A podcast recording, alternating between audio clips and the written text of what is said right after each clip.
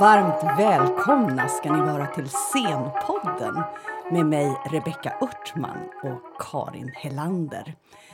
Karin, jag måste fråga dig, har du skrattat någonting på senaste tiden? Åh, oh, vilken svår fråga!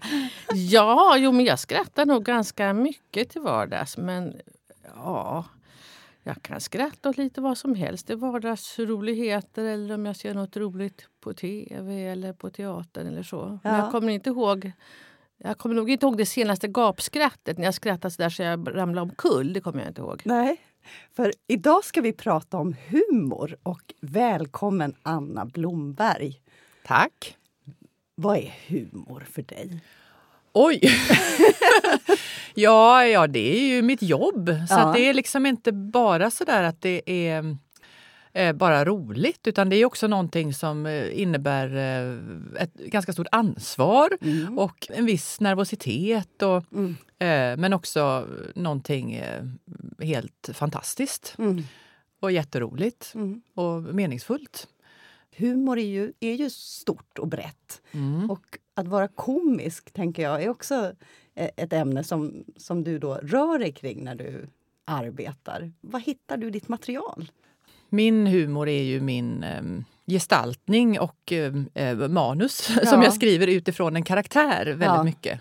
På senare år så har jag gjort mycket imitationer och jag har också ju då karaktärer som jag själv har skapat. Till mm. exempel då ja, Gun, till mm. exempel, som är från Malmö.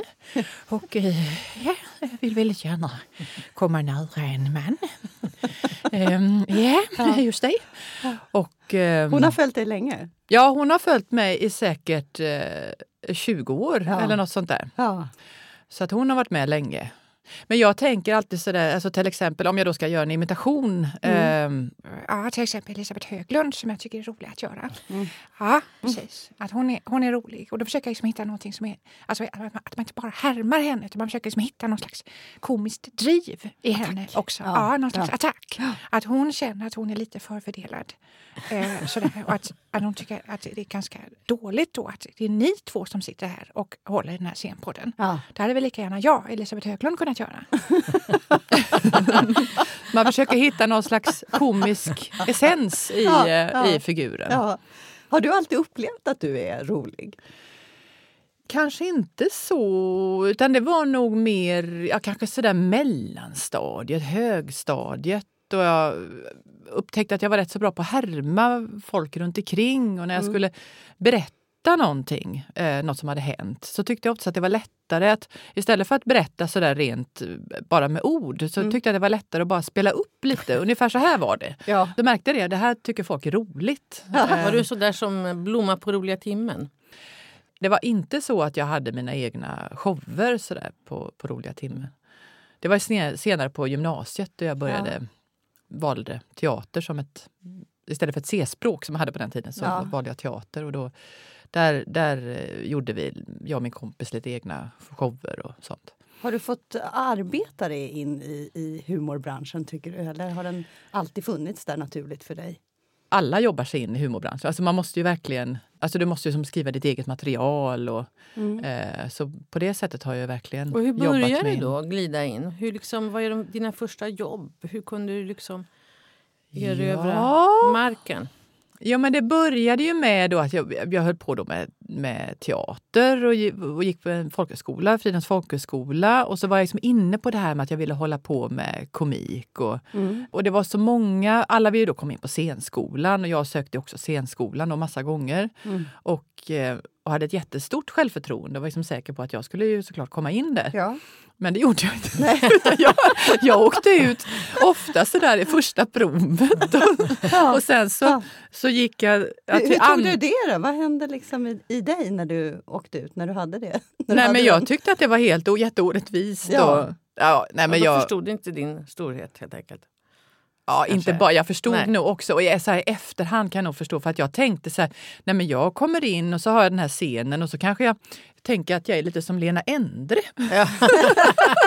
nu, då tänkte jag liksom att det, då blir det ju jättebra. Lena Endre är så bra så att om jag är lite, så här, liksom lite influerad av Lena Endre ja. när jag säger den här texten. Ja. Och det blir ju det blir ju jättedåligt såklart, därför att man måste ju alltid utgå från sig själv. Men eh, ja, nu ska vi se, hur var det jag du kom tog in? dig över det i alla fall. Ja, det Mm. gjorde jag. Och Ja. sen så hade, alltså jag höll ju på mycket sådär med egna figurer hemma. Jag, en kille som jag var ihop med då för, för länge sedan, vi, vi höll på att vara jättemycket, vi var liksom nästan aldrig oss själva, utan vi var bara eh, figurer hela tiden. Och vem var du då? Vem ville du? Ja, jag var väldigt mycket en dam som hette Elsa-Britta. Därför att jag arbetade på hemtjänsten. Och då så skapade jag den här kvinnan, Elsa-Britta. Och hon är oerhört rasistisk. Så här, jag var mycket Elsa-Britta. Ja. Eh, Man ser hela din kropp liksom bli den här gamla damen. Det är verkligen underbart. ja. Men, men är det så du gör när du hittar en karaktär? Att du, du ser, du tittar? Ja, det, alltså off, off, ja, men som Elsa-Britta då, då jobbade jag ju på hemtjänsten och så Ja. var det de här vissa då damer som var jättejobbiga, krävande och, Mm. eh, och kunde vara sådär eh, ja, just rasistiska. Och, och då blev ju det som en ventil då, att komma hem och få le, liksom leva ut de där hemska tanterna.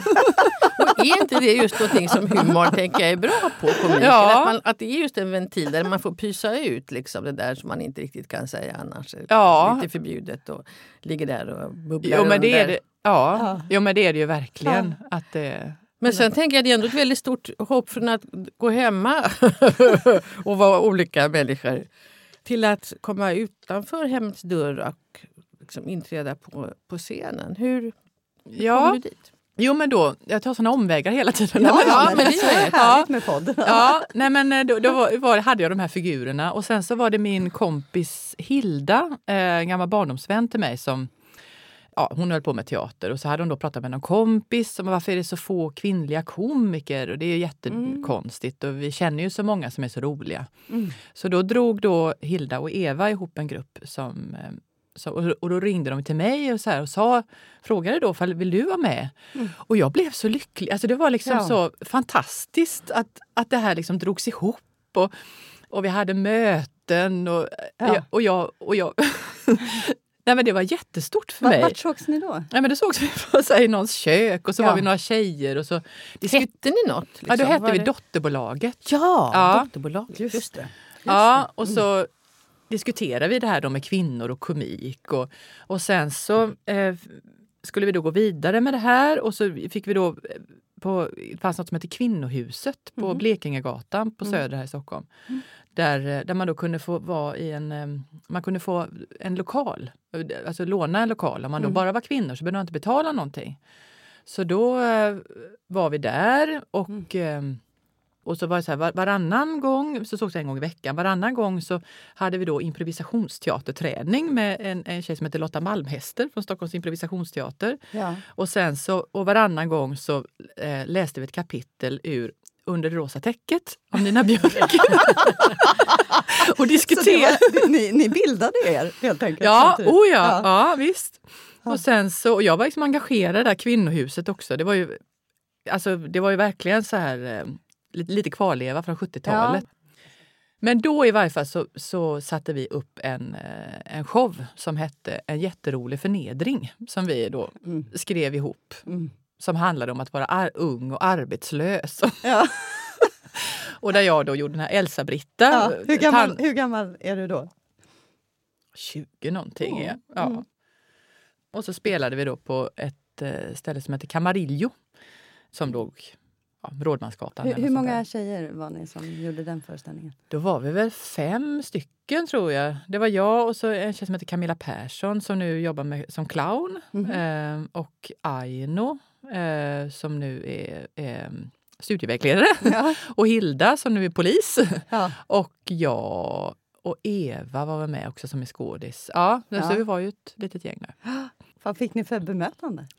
Nej, men de tyckte det var jätteroligt, publiken. Och, eh, och det var nog också... Alltså vi hade så fruktansvärt roligt själva. Mm.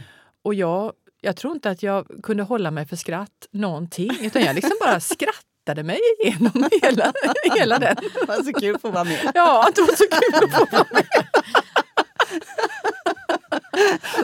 Där är ribban liksom. Ja, där var ribban. Ja. det finns många frågor man kan komma tillbaka till tänker jag om det här med kvinnlig komik och förebilder och sånt. Men hur kommer du vidare sen? För att du fick ju ett ganska stort genomslag någonstans också sen efter några år. Eller tänker Kvarterets Gata. Ja, liksom just det. Och så. Hur, hur kom du in på det? Ja, då var det, alltså det gjorde jag en, en för att de här dotterbolaget de liksom försvann in, de, de kom ju in då flera stycken på scenskolan och sådär. Eh, och så var jag kvar liksom ensam där då. Eh, och då gjorde jag en egen föreställning som heter Okända svenskar där bland annat Gun var med. Och, Ah, Eh, okej. och sen så, och så kom det då en producent från radion och tittade på det där. Och då tyckte han att ja, men du kan väl vara med på morgonpasset då på P3 och göra sketcher där. Mm. Så då så jobbade jag där en sommar och eh, gjorde ganska underliga saker. med eh, Jag gjorde något som heter Folkets röst som var så här lite som så här, Ring P1 med damer som ringde in och var sura över oli- olika nyheter och ja, saker. Ja, då. Ja. ja. Liksom några minuters eh, ja, just det. inslag kan man säga. I. Precis. Ja. Och det var inte återkommande damer utan det var nya damer för varje... Ja, det var massa olika Ja. nya damer. Eller, och sen så jobbade jag lite med Mikael Syrén som eh, jobbade på radion. Så, och då gjorde vi två karaktärer som då hette Bernt och Anita. Eh, ja, från Göteborg som hette Bernt och Anita. Och sen så fortsatte de sen in i Kvartersgatan och blev Per-Arne och Carita som var några som var med där. Just det. Ja. Och vem är Carita? Ja, Carita hon är från eh, Göteborg och eh, hon lever ihop med Per-Arne och eh, de bor i sin husvagn. Och eh, de har olika problem som de diskuterar. Dina damer är ofta problemorienterade på ett eller annat sätt känns det som. Ja. Ja, Mer eller mindre ja, medvetet kanske. Ja, ja, det har jag nog inte tänkt på riktigt. Mm. Men det är klart att om man gör Barbro Lill-Babs Svensson, hon är ju, det, där, ah, där finns det ju inga problem alls. Utan det, det är bara fantastiskt allting. Eller hur? Ja, precis. Men jag tänkte mer på de här som du skapar dina egenskapade. Ja, ja det är nog sant. Det har, det har jag inte tänkt på. Att det, Nej. men det är nog eh, ja, lite ångest... Drivna. Ja, just det. Ja. Gun och... Ja, just det. Jag tänker, ligger det någonting där i det som är komiskt också? Att, man, att man tar tabun eller det ångestladdade eller det här lite förbjudna och så drar man det till någon liten gräns och så leker man med en sån karaktär. Vi har en, en karaktär... En, en, en, en kvinna som, som heter Birgitta. Och eh, hon är jättenervös. Och bara det här då att, att jag ska sitta här och prata i, i, i radio, eller jag, jag vet ju inte vad det är som vi gör. Om det, om det, om det går ut nu i alla radioapparater, jag förstår ju inte vad vi gör för någonting. Och det är klart, det, är- det är ju oerhört ångestladdat att vara Birgitta. Ja. Och nu blir jag alldeles nästan gråtfärdig för man ser liksom ja, man paniken. ser, man ser Ja. paniken. Det blir större och större. Paniken över att sitta här. Men, men hur håller du reda på alla de här tanterna? Ta, ja, jo men de finns ju där. Det, nej, det, det, Har du något skrivet? Har du ett kartotek hemma? Så du kan skriva om nu skulle Birgitta komma hon skulle liksom ställas mot det här. Eller? Ja. ja, nej, nej, det, nej, det har jag, nej, det har jag inte. Nej. Men ehm, nej, man har i skallen lite Ja, sådär. ja, små fack liksom. som Små fack, Hur många, Ja. tant, tanter, hur många fack har du? För tanter? Ja, det vet jag inte riktigt. Alltså, och nu har jag de här som jag härmar också. Och, Ja. Eh, Jag håller på med drottning Silvia till exempel. Ja. henne eh, har jag börjat härma lite grann. Och det är väldigt trevligt. Och var har hon hjärtat en dag som denna? Ja, eh, ja eh, det, det, eh, eh, det känner jag inte just nu. Hon har inte kontakt. nej, hon hade inte riktigt kontakt där. Nej. Men, Men jag, är det så? Du, du härmar dig in i, i karaktären? Eller vad, vad, hur, hur går du tillväga? Alltså, ja, alltså om jag ska härma någon så Mm. då, då sitter jag och tittar på den figuren på, på Youtube och så. Mm. Och, och, och, och studerar liksom hur, den, Mm. hur den personen eh, rör sig. Och, eh, ja. Ja. Har du någon Ja. du testar på sen? Ja, jag har testat lite på min sambo. Eh, och då kan han liksom säga om, om, om det låter likt och Ja. eh, det är något man ska eh, ja, att röst, alltså hur rösten ligger och, Ja, just det. och så. Ögonbrynen. För det blir ju blick och allting när vi ser dig här. Du spelar Ja. inte Ja. in och liksom lyssnar och på det sättet dig själv eller så? Alltså jag har provat det någon gång men jag tycker att det är så svårt att avgöra. Jag tycker, alltså överhuvudtaget tycker jag, jag tycker inte om att se inspelade saker med mig själv heller utan jag, jag brukar faktiskt undvika det. Börjar man härma sig själv kanske? Ja, Istället för ja att härma precis. karaktären? Ja, och så blir det alltid man blir så självkritisk. Ja. Och, så. Och jag tänker du utstrålar ju ändå både när man ser det när man ser det så här nu när du gör små smakbitar så. Att du har en väldig glädje i Ja. att göra det. Och det, jag tänker eftersom man är självkritisk ofta så kan det där bli lite den där omedelbara liksom, Ja, just det. glädjen, Lusten, kan, ja. lusten ja, kan ju bli lite besudlad. Liksom, när man Jo. tänker varför jag kanske skulle ha varit lite mer så här. Jag förstår att du undviker det. Ja, nej men det, det är synd om det blir för, att det bara blir som kritiskt Ja. allting. Ja. Och, ja, men det kan lätt bli sådär alltså, om man teoretiserar för mycket med humor och Ja, men vissa så här, liksom, ståuppkomiker och sånt som jag ibland samarbetar med kan ju vara väldigt... Ja, fast du måste lägga punchen där och bygga upp skämtet så här. Och, det, och ibland har jag försökt att vara så där liksom, duktig. Och, Men då, då... Ja, man tappar liksom ett visst... Mm. Ja, just någon du, Jag glädje. tänker, du skapar dina karaktärer på ett annat sätt än de här Mm. eh, s- stand-up eller stå-upp-rutinerna. Så. Men om man, för dels gör du de här imitationerna och dels gör du de här egenskapade karaktärerna. Och det, eller hur? Men det här med att du sitter och tittar på förebilder och, och läser in. eh, Det gäller då framförallt om du, du imiterar. Och vad är det som får dig att fastna för en? Hur väljer du ut dina offer? liksom? Ja, alltså det, dels om man ska imitera någon så måste det vara någon som, är, som folk känner till. Eh, måste ju veta vem... Det, det blir som en större effekt då om, om, man, om man förstår att jaha, ja, ja, det är drottning Silvia. Mm. Eh, så det, det, men sen finns det ju roliga personer som man kan härma. Som folk, Figurer, Ja, liksom. som kan bli Ja. som figurer. Ja. Alltså till exempel om man då tar eh, eh, Mona Sahlin till exempel, som jag har hållit på med lite grann. Mm. Hon, hon är lite sävlig eh, och det är lite svårt att hitta något riktigt sådär Mm. jättebra komiskt med henne. Och då är det som Elisabeth Höglund. eh, Aha. Ja, han- Ja, liksom ja, hon har liksom lite energi mer, ja, lite som mer energi. Ja, precis som vill fram. Hon vill någonting. Ja. Det är som lättare att hitta en komisk Ja. essens. Och sen också det att du, att du, som du också sa, att du verkligen försöker få fånga personen, inte bara i likheten då, utan att det finns någonting, essensen i den personens vara liksom, som du försöker få fram också. Ja, precis. Nej, men som Barbro, det är liksom... Ah, att det, ah, man vill sprida... Jag gjorde sketcher i, i radio i somras där hon liksom var runt och skulle, skulle runt och sprida glädje. Hon kom, kom till... Hon var på hospice och skulle sprida glädje. alltså, den, ah, Jag såg ett helt vansinnigt klipp nu på Youtube där Lill-Babs sjunger på turkiska. Ja, just det! Precis! Ja, just det! Då var jag på den här internationella komedifestivalen som eh, Nishti Stärk. Eh, Just det. Eh, hon kan ju vara med här på scenpodden. Ja. Ja. Nej, men det är hon som eh, eh, håller i den. Och, eh, och då hade hon en idé att det blev väldigt roligt om, om du har någon karaktär som kommer in och sjunger på något, något eh, på, på turkiska då, för det är så Ja, mycket eh, turkar i publiken. Så då eh, så övade jag in det där då. Ja. Och så, ja, men det Vilken var ju sucke. jätteroligt. Ja, det Ja. var faktiskt det. Det Ja. var jättekul. Ja. Men jag tänker, du har jobbat mycket mm, i olika konstellationer, i grupper och så, men du har också var- arbetat Jag kom av, alltså jag tänkte så här, jag sitter och tänker på att det var en fråga här innan, hur jag kom in på Kvarteret Skatan och det här. Ja, det. ja, den Att slarvade jag, vi över. jag, jag tänkte att jag kanske ska bara, Mm, ja. bara säga det så att jag slipper så sitta och tänka Ja. på den där.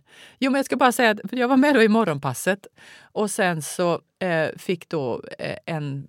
Alltså, eh, han som hade han jobbade på morgonpasset, gick över, Mats Grimberg, gick över till SVT och han fick i uppdrag att dra ihop ett nytt humorprogram. Mm. Och då lyckades jag liksom komma in där liksom i sista, Ah. Sista stund. Så, där. så ringde jag och sa om du gör det där humorprogrammet så skulle det vara roligt att vara med. Och då fick jag vara med. Så att, eh, Ja, det, var, ja. det var så det var Så med han plockade ihop er som ett eh, pojkband? Ja, vi Ja. blev ihopsammansatta. Ja. Så vi hade inte nästan jobbat ihop alls Ah, det är innan. lite ovanligt. Ja, det är det faktiskt. Annars brukar det vara en grupp som har hållit på sen, sen skoltiden och sen så kliver in. Ja, just det. Ja. Precis. Ja, vad intressant. Men då, då har du hamnat i olika sammanhang och skapat grupper i, i det du har varit i. Ja, ja, det har varit, ja precis. Och i och med att du fick sånt genomslag sen, blev det, det måste ha blivit väldigt märkbart för dig att då blev plötsligt så var det många fler vägar som öppnade sig. Arbetstillfällen. Ja, jo men jo, så var det ju. Gud, det är så länge sedan. Ja, det är det. det, är det. Ja, det är Men det, har du känt dig som en solist eh, mera än en eh, grupp? Ja, alltså jag har väl egentligen alltid sådär haft någon sån här liten dröm om att åh, det hade varit roligt att ha en sån här grupp som man hade liksom, Ja. ja men som är dotterbolaget. eh. ja. Eh, Men sen har jag liksom ändå sådär fortsatt själv. Mm. Eh, Och sen har jag jobbat hela tiden i olika konstellationer. Och, Mm. och den, den här föreställningen som jag gjorde, Anna Blombergs värld, som jag spelade under några år, Mm. den gjorde jag tillsammans med Hilda då som var med i dotterbolaget. Polisen. Polisen, ja precis. Ja. precis. Ja. Den fick ju jättefina recensioner. Jag var inne och kikade Ja. på det Mm. igen igår kväll. Och vad som jag tänkte på att du, att du fick ju jättefin positiv kritik förstås för dina, liksom, dina komiska figurer och imitationer och så. Men också för att du verkligen hittade någonting väldigt mänskligt i några av de här egengjorda, egenskapade karaktärerna. Ja, Birgit- Birgitta då till, Ja, exempel. till Ja, exempel. precis. Där ja. fick jag vara med igen. Och det tycker jag, det känner man bara man ser du, du gör såna korta små Birgitta-snuttar nu så, så känner man det att här sitter ju en riktig... Ja. Man känner igen sin Birgitta skulle jag säga. Ja. Väl Ja, ja, ja. Den där paniken och över att man inte riktigt vet. Det är många som delar. Tänker jag. Ja. Ja, Ja. ja, just det. Ja. Och hur hittar du dem? Hur, hur kom du på Birgitta till exempel? Hur föds hon? Alltså Birgitta föddes, eh, det var ju då, det är jättemånga år sedan, då det var EMU-valet. Om ni kommer ihåg detta Ja. val. Ja. Hur många år sedan kan detta vara? Det måste vara liksom 15, kan det vara så länge sedan? Ja, absolut. nästan så. Och då så fick jag en fråga, det fanns ett program som hette Ola 21.30 som gick på SVT. Mm. Och då ville de ha någon slags satir kring inför EMU-valet. Och så frågade de mig, kan du göra någon satir? Mm. Och så tänkte jag, så, jaha, ja men det kan jag göra. Ja, ja. Så satt jag hemma och så här försökte liksom hitta på någon bra satir kring det där. Och det var så himla svårt. Ja. Och så tänkte jag så här, jaha, ja, men hur känner jag mig just nu? Ja, men då, Då kände jag mig precis sådär. Jättenervös. Så tänkte jag så här, okej, men jag kanske kan göra en sån karaktär då. Ja, som, som, är så skitnervös. som är jättenervös och totalt inkompetent. Som Ja. ska göra information då inför EM EMU-valet. och då så var jag där och testade och så hade jag liksom någon idé så här bara att att hon skulle försöka få rätt på datumet när det var och, Ja, och det. inte ens, alltså du vet, och det Ja. blev så jätte... Hon ska vara den tryggaste. Ja, precis. Hon ska vara trygg och stabil och allt blev bara jätte... Hon fick liksom lägga sig ner och djupandas. Och ja, så då, ja, så då spelade vi in det där och då föddes Birgitta där då Ja, och gjorde jättekonstiga inslag. Ja. Jag vet inte om det blev så himla bra men jag tror det var ganska roligt. Men vad har varit svårt tycker du eh, att hålla på med humor? Vad är det som är knepigt? Ja, det är massa saker som är knepigt. Ja, jag kan tänka mig det. Ja, men det är det faktiskt. Därför att det kan vara så här att till exempel i något sammanhang så kan något som man har gjort funka jättebra. Mm. Och sen så gör man det i ett annat sammanhang och då kan det bli helt... Alltså, då kan det vara så att publiken inte skrattar någonting. Mm. Och då blir, i varje fall jag blir sådär jättesjälvtvivlande och tänker, men herregud vad håller jag på med? Mm. Och då tänker jag, men det är lika bra att jag gör något annat. Mm. Jag måste utbilda mig bara Men göra hur kan det vara så olika? Vad är det som händer? Nej, men jag tror, ja, men till exempel då, det som jag var lite inne på här då eh, innan vi började sätta oss här och börja Mm. prata med varandra i, i podden här Mm. var ju att jag var med om en, en, en jättejobbig grej i torsdags. Ja, Därför att då eh, gjorde jag ett, ett jobb, ett så här företagsjobb. mm. Ja, och då hade de liksom en stor företag som hade liksom som en så prisutdelning. Och, eh, och så gjorde jag det tillsammans med Micke Tornving som är jättebra, eh, trevlig komiker och Mm. rolig. Och, och då skulle vi göra ett nummer, alltså tyckte Micke, ja, men vi kan, vi kan köra det här, ett nummer som vi har gjort på en sommarturné med mig och eh, alltså där jag gör Gun då, Kåta Gun. Och, eh, och med Micke. Och det, och det, och det hade jag med i föreställningen också. Mm. Och det är att Gun håller liksom ett litet föredrag då om sexuella trakasserier. Och så är hon ju själv då liksom jättepilsk och så visar hon på Micke då allt som man absolut inte får lov att göra. Det här får man inte göra. Och så är hon liksom helt i gasen. Och det är så roligt för hon Ja. går ju över alla gränser. Ja, hon går ju tiden. över alla gränser. Och så gör vi då eh, detta och jag kommer in och, eh, och man känner att det liksom inte, det landar inte sådär jättebra. Eh, och det kan ju vara för att det är sådana sammanhang, det kan ju vara lite stela. Och det Tror du också att det är metoo liksom spelar roll? Att det Ja. är inte läge nu att Nej, skoja om nej, sexuella trakasserier? Nej, och då var det så här, ja, så gick vi av scenen så satt jag och Micke och pratade lite i logen och sen så kommer då den här ansvarig upp från det här eh, eventbolaget kommer upp och, och säger så här, okej, nu vill vdn veta, nu är det väl inte mer under bältet? Oj. Du vet, om man, och så sa nej, nej, det är för då ska göra en helt annan grej. Nej, nej det, det blir det verkligen inte. Och, då, nej, men, och det, nej, men de var jätteupprörda över det här. Och då var det nog alltså just att det var helt fel timing med metoo och att Ja. man då kommer till ett för... Alltså att det blev... Ja. Och de kan Det- ha haft jätteföreläsningar dagen innan om sexuella trakasserier. Ja, kanske det. Ja, Stockholm. visst. Ja. Ja, det och sen att det blev... Ja, men det som har varit roligt då i ett sammanhang blev bara plumpt. Och, och då tyckte de att nej, men... Och då var det så här, du kan inte gå upp mer på scenen. Nej. För att det liksom blev Ja. för infekterat. Ja. Men skrattar de sen då när ni kom in efter andra akten? Nej, för sen kom, inte, sen kom Micke in och Ja, han ja. hade liksom en grej och då lyckades han rädda det här på ett snyggt sätt. Sådär. Men jag försvann. Men du pep Ah. ut. Jag pep ut, ja. Nej, gud, hur kände du dig när du gick hem? Ja, det kändes... Ja, men, ja, men, alltså, nej, men det var hemskt faktiskt. Ja. Det var för man vill, alltså, man vill att det ska bli bra och att publiken ska tycka att det är roligt. Ja. Och, och så blev det istället som att jag kom dit och förolämpade dem. Och det, Ja, det vill hemskt. man ju inte. Nej. Ja, det var faktiskt hemskt. Ligger du och ältar sen på natten? Ja. Ja. Skulle jag också Kan du omvandla dig sen till en figur som... ja, det kanske jag kan. Ja, det har jag inte tänkt på. Men det, ja. Men när du pitchar in, in grejer, nu, nu hörde vi om den här producenten som hade hjälpt dig från radion till tv. Ehm, vi- vilka, vilka möter du när du ska pitcha in dina idéer? Ja, det är ju lite o... Alltså ibland så kan det vara... Nu, alltså nu är det så mycket produktionsbolag och sånt. Så det kanske det är någon på något produktionsbolag. Och, ja. Mm. eh, ja, eller som tv, tv-producenter och Mm. sådär. Mm. Och det tyckte jag var sådär otroligt eh, hotfullt i början med någon sån här skrivbordsmänniska. Och, Ja. men nu har jag liksom... Ja, nu har man liksom lärt mig det, att det, det är så det är. Att, Man ska igenom det liksom. Ja, precis. Ja. Och att det inte är, alltså att det inte är som på teatern där det är, där det är så lite, liksom lite mer kramigt. Och Mm. så. Tv-världen är lite, inte riktigt så. Man, man visar mm, ett Excel-ark hur man hade tänkt sig humorprogrammet eller är det mera... Har du något skri måste du skriva? Så här tänker jag. Ja, Det ska vara ja, så här så här långt. Och, ja 20 minuters precis. precis. och- Ja. ja. Men då är det alltid bra att sam, alltså att det inte bara är jag utan man samarbetar med någon som eh, Alltså på något produktionsbolag och Mm. sådär. Som, Mm. eh, då kan man liksom komma fram till det Mm. tillsammans. Mm. Det har ju varit eh, historiskt männens arena. Mm. Har det också påverkat dig hur du presenterar eller vad, vilket bemötande du får?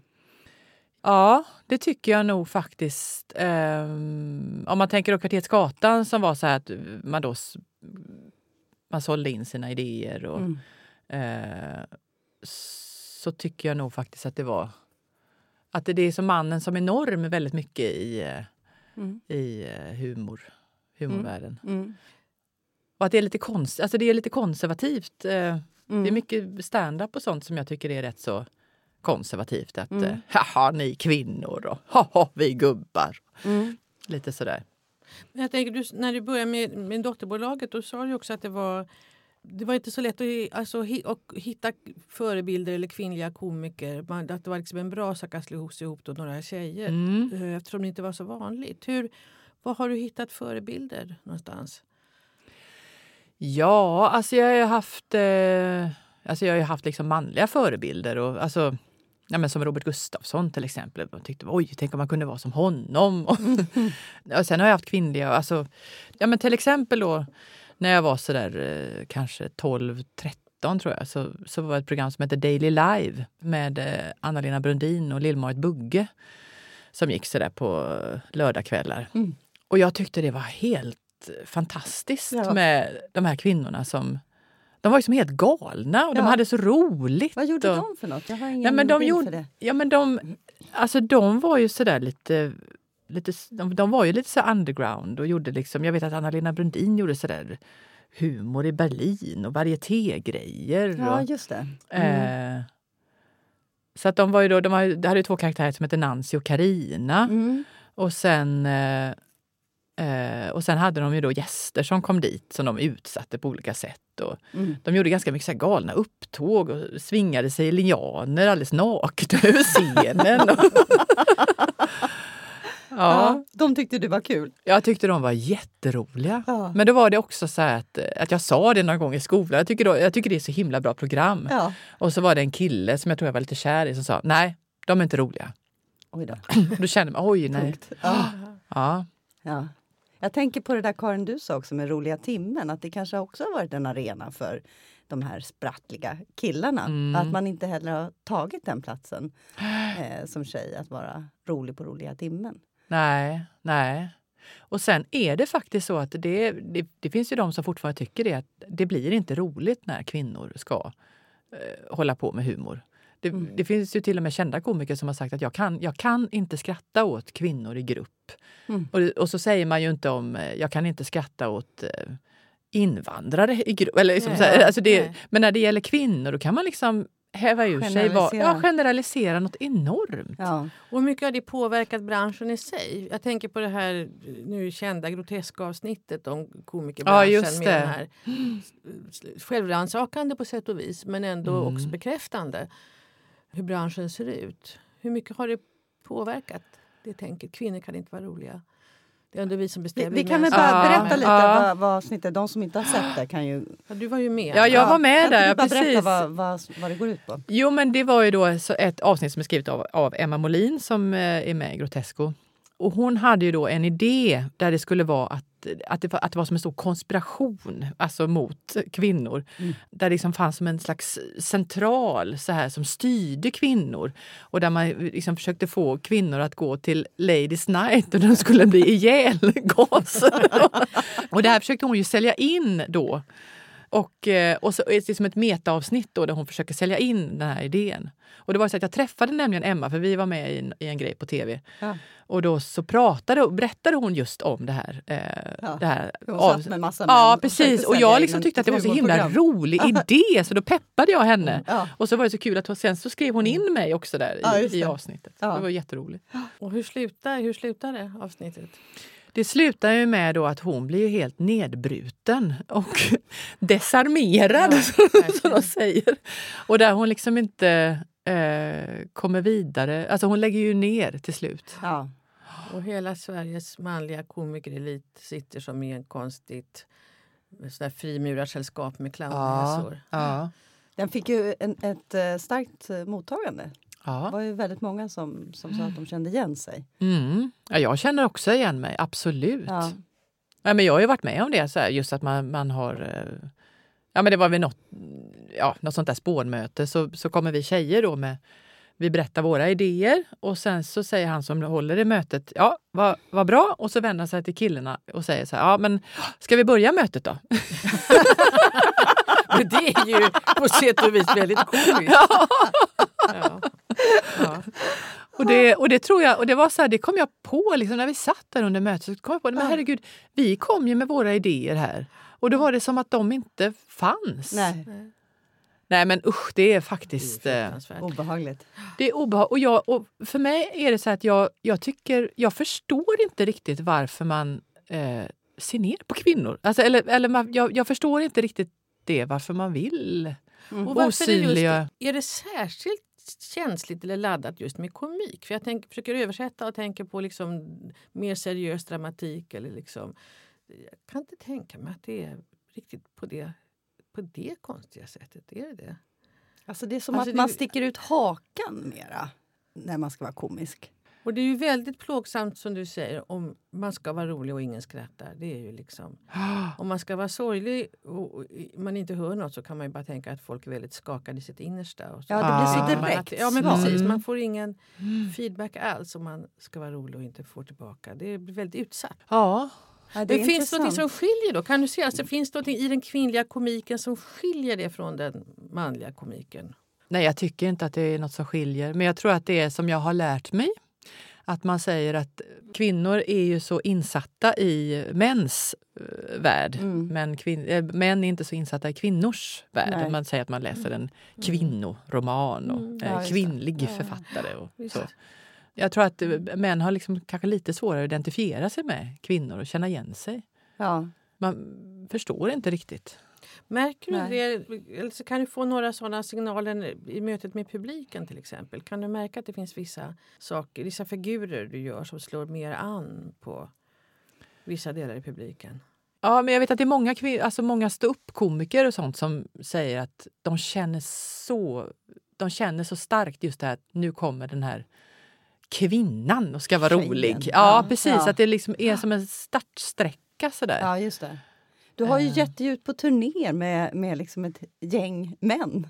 Ja, det har du, jag gjort. du har varit ensam kvinna. Ja, ja, med badjävlar, ja, Ja, just det. Precis. Ja, för några år sedan. Jag ja, en hel turnébuss. ja, liksom. visst. Ja, det var ju också ja, en lite underlig upplevelse. Ja, Och då, gör- måste du verkligen publiken säga man, man, man. Oj, nu kommer kvinnan. Ja, just det. Precis. Och då var jag lite, det, det som var skönt var att jag kom in flera gånger. Att det inte var så att, för de, stupparna har ju liksom sina tio minuter. Ja. De ska vara jätteroliga. Ja. Eh, men jag kom in som lite olika figurer korta stunder. Och det var ju faktiskt jättebra. Ja, nej men det är ju lite speciellt. Mm. Man är med de här humorhannarna. ja, jag tänker tvärtom är ju liksom science fiction att tänka. Om Ja. det hade varit liksom sex eh, skitroliga brudar och så en Mm. man som band ihop det hela. Ja, just det. Ja, precis. Ja, men det är, ju, det är ju så. Det är eh, jättestor skillnad faktiskt. Nej, men, och sen, men sen finns det ju såna mm, scengrejer som, som kvinnor har drivit fram där man bara har med kvinnliga komiker och så. Mm, mm. Så det finns ju verkligen. Ja. Ja, men då är det ett statement man gör. men det har verkligen ändrats tycker jag senare, senare tid. Och överhuvudtaget tycker jag att alltså, kvinnor kommer fram, liksom tar sig fram på ett helt annat sätt. Finns, eh, nej, men, Är det satsningar som har gjorts som, Ja. har, som har Ja. bidragit till det? Eller vad, Ja, vad det du? tror jag. Alltså, nej, men som Full patte till exempel som ligger på, på SVT Play. Mm. Men, Systrarna Kronlöf. Alltså ett, Systrarna ja, ett Kronlöf, ja. medvetet, eh, en medveten satsning från, Ja, från en ledning som, Ja, som visst. bjuder upp. ja, just det. Och där de också har satsat och lagt ut eh, Ja. sketcher på Youtube. Och det finns ju ett gäng eh, från, från Lund som heter Stallet Ja. som gör ett program som heter 30 plus. Mm. Och jättemånga bra ståupptjejer. Och, Mm. ja. Är det så att tjejer, andra komiker som är i sin startbana hör av sig till dig? Ja, någon har gjort det. Och, alltså, men det är väl det att jag har gjort... Alltså, jag är liksom lite sådär... En, alltså lite egen sådär eftersom jag gör liksom någon slags lite mer teaterstandup. Ja, just det. Alltså det är inte så att... Nej. Alltså, annars är ju standup ganska så här, det är lite som en sport. Så här att, eh, Mm.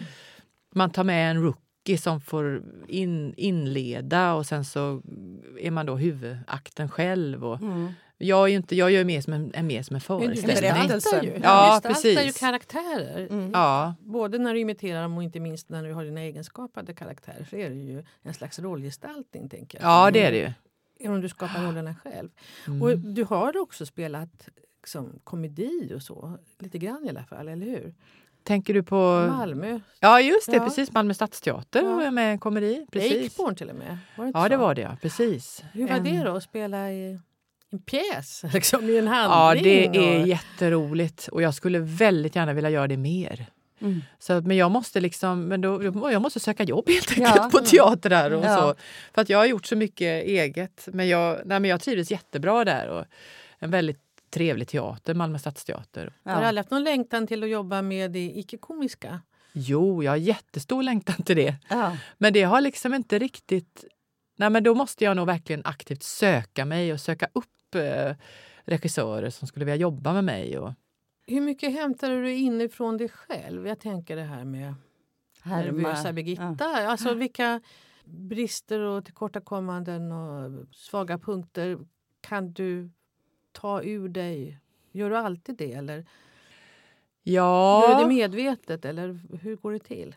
Ja, men Birgitta till exempel, alltså jag kan ju liksom känna igen mig i henne. Att, att man kanske inte riktigt att man inte riktigt förstår allting. och eh, att, man, att man är så... Ja, men, eh, som Birgitta, hon, hon har en väldigt stark bild av hur det ska vara. Mm. Till exempel då så... Jag, måste tänka, jag gjorde en monolog med henne där hon skulle komma till... Hon skulle besöka Skansen. Hon och hennes väninna Inger skulle åka till Skansen. Och då så hade hon sett Allsång på Skansen och trodde att hon skulle komma till... Hon förstod inte vad Skansen var riktigt, men hon ja. trodde att där kommer Lasse Berghagen finnas och han kommer ta emot mig.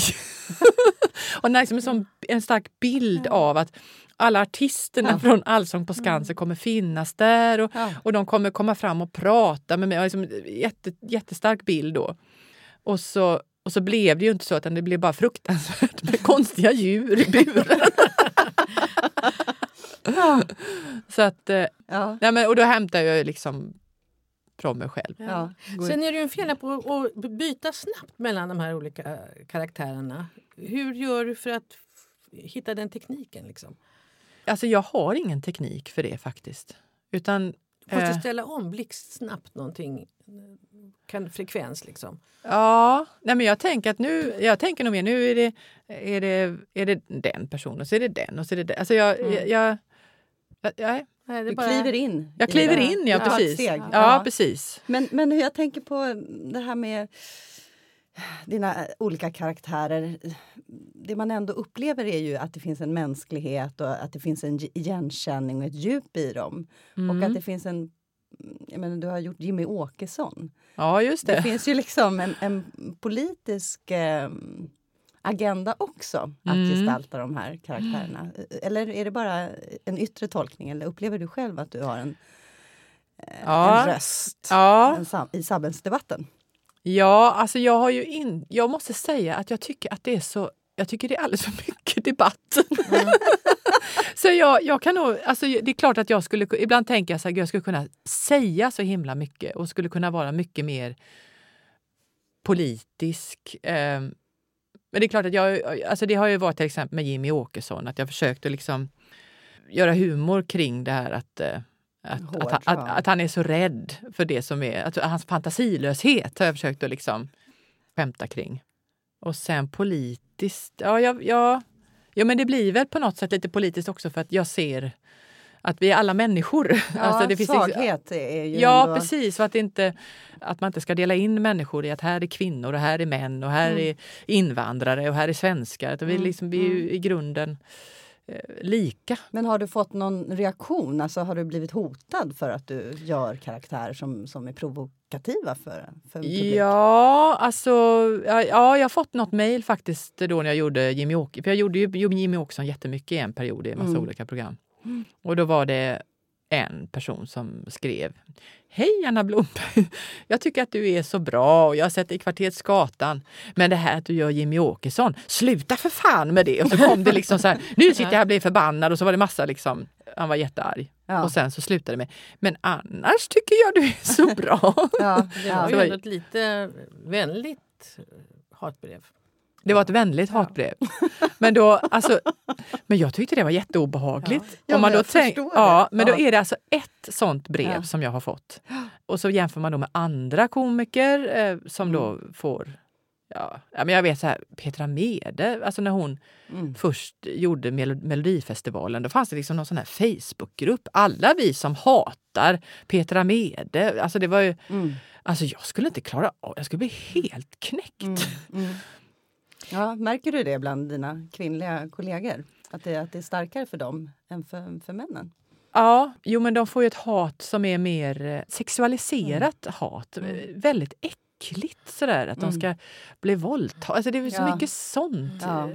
Skitäckligt som ja. män slipper. Men eh, ja, män får ju också hat. Men det kanske ser annorlunda ut. Det kanske är mer riktat mot en person.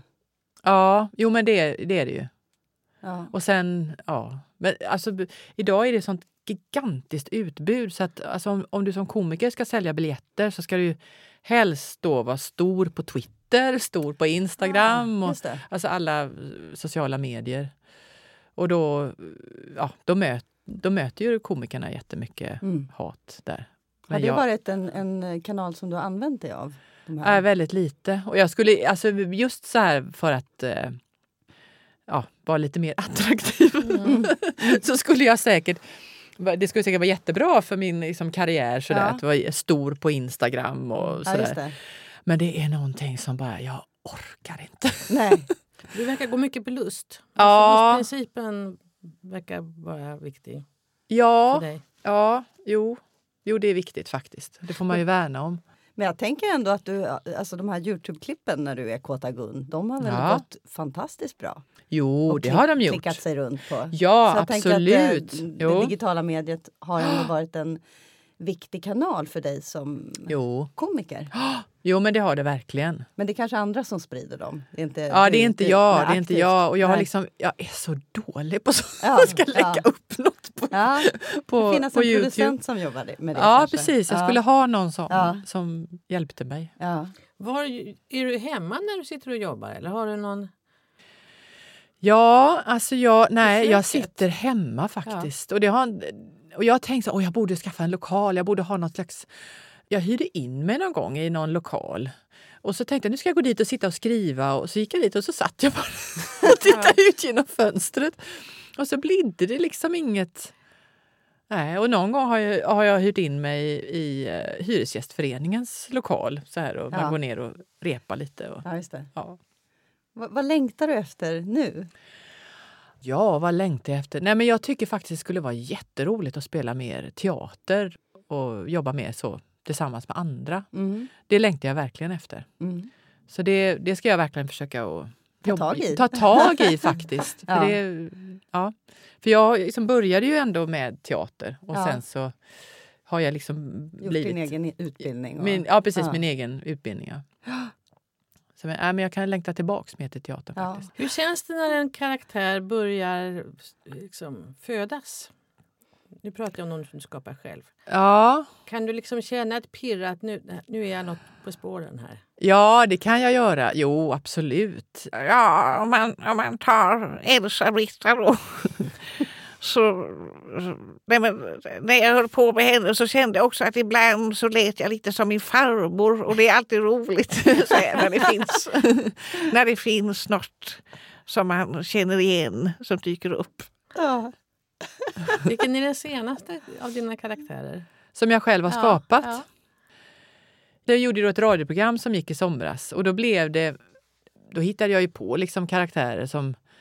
Eh, Bland annat så gjorde jag en, en, en, en läkare som heter Margareta som eh, var med där och eh, också ganska nervös person lite grann då, som, också som, som Birgitta. Så hon är ju ganska, ganska ny. Ja, Vad har hon för specialitet? ja alltså det, det var som så då att, att hon var med i det här programmet och, och skulle då försöka... Ja, det kom in läsarfrågor och sånt då om, om olika medicinska åkommor. Och då så blev det bara tokigt alltihopa. De skulle- När de skulle svara på det. Och blanda ihop allt. Och blanda ihop allt, ja precis. Och nu håller du på med drottning Silvia sa du. Ja, lite grann med drottning Vad vill Silvia. du göra med henne? Jag vet inte riktigt. Alltså för att det, det är också sådär att... Eh, ja, man, man vill ju inte att det ska bli för stereotypt bara. Att det är Nej. så här, som typ, ha drottning Silvia-skämt. Utan man, ja. Vad, vad är det Ja. som, som händer när folk skrattar i, i dig? Ja, men det är ju liksom en bekräftelse på att, eh, att det funkar. Ja, ja. Ehm, Vad tror du annars då? Vad, vad, varför behöver vi få skratta, gapflabba?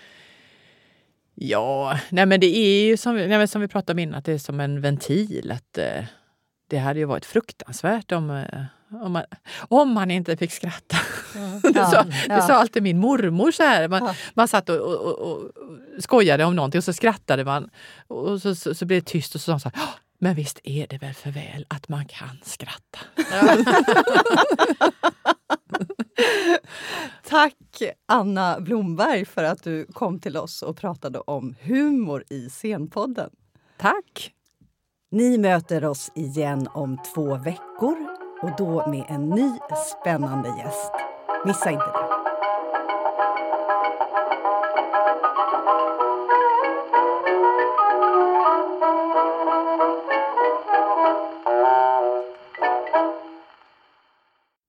Du har lyssnat på Scenpodden, en podcast från Rats Teater och Humanistiska fakulteten vid Stockholms universitet. Podden spelas in på Språkstudion och tekniker är Henrik Nordgren.